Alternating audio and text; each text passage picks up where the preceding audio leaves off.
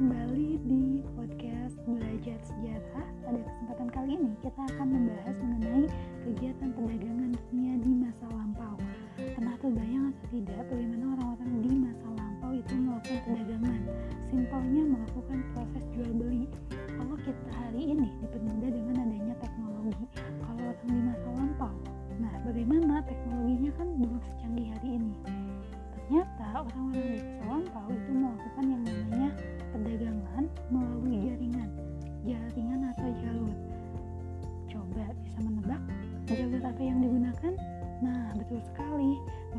menggunakan yang namanya jalur sutra, jalur perdagangan yang menghubungkan antara wilayah Asia dan juga wilayah Eropa.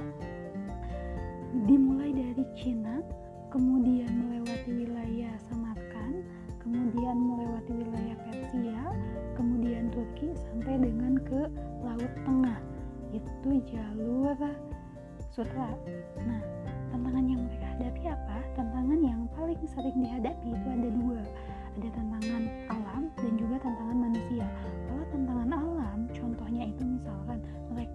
harus melewati gurun pasir. Kemudian mereka juga harus melewati padang rumput yang sangat luas. Itu kalau misalkan dari alam.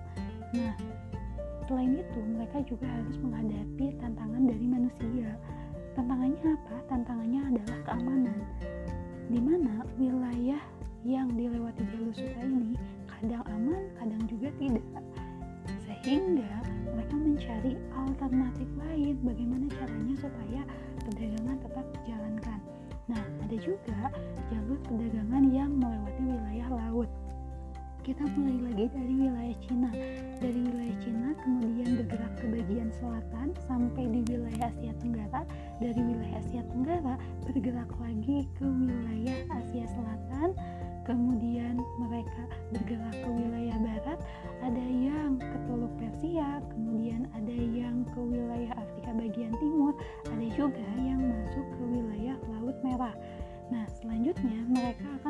perdagangan sama di wilayah Laut Mediterania.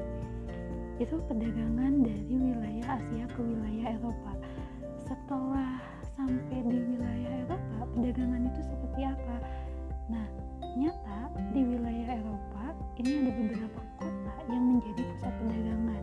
Utamanya adalah bergerak berkembang ke beberapa wilayah di Eropa, misalkan ke wilayah barat, ke wilayah timur, atau ke wilayah-wilayah Eropa yang lainnya. Nah, yang menjadi pusat perdagangan itu contohnya adalah kota-kota seperti Genoa, Florence, Venesia, dan Milan ataupun kota-kota yang lainnya.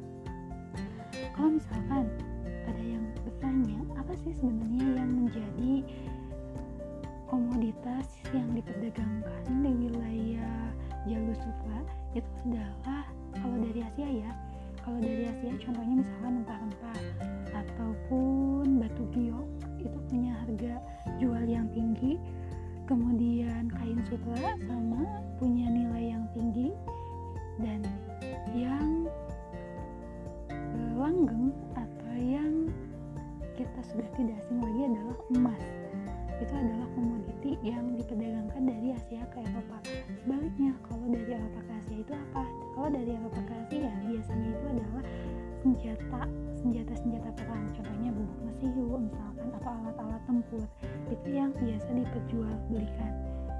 Nah kondisi itu terus berlanjut dari abad 1, abad 5, kemudian abad 5 sampai ke abad 15 sampai dengan wilayah Turki yang menjadi salah satu pusat dari transitnya perdagangan baik di wilayah Asia ataupun Eropa ini dilakukan oleh Al-Fatih atau oleh Ottoman. Inilah yang kemudian menjadi satu masalah besar bagi Eropa. Bagaimana caranya mereka harus mencari alternatif lain untuk melakukan perdagangan.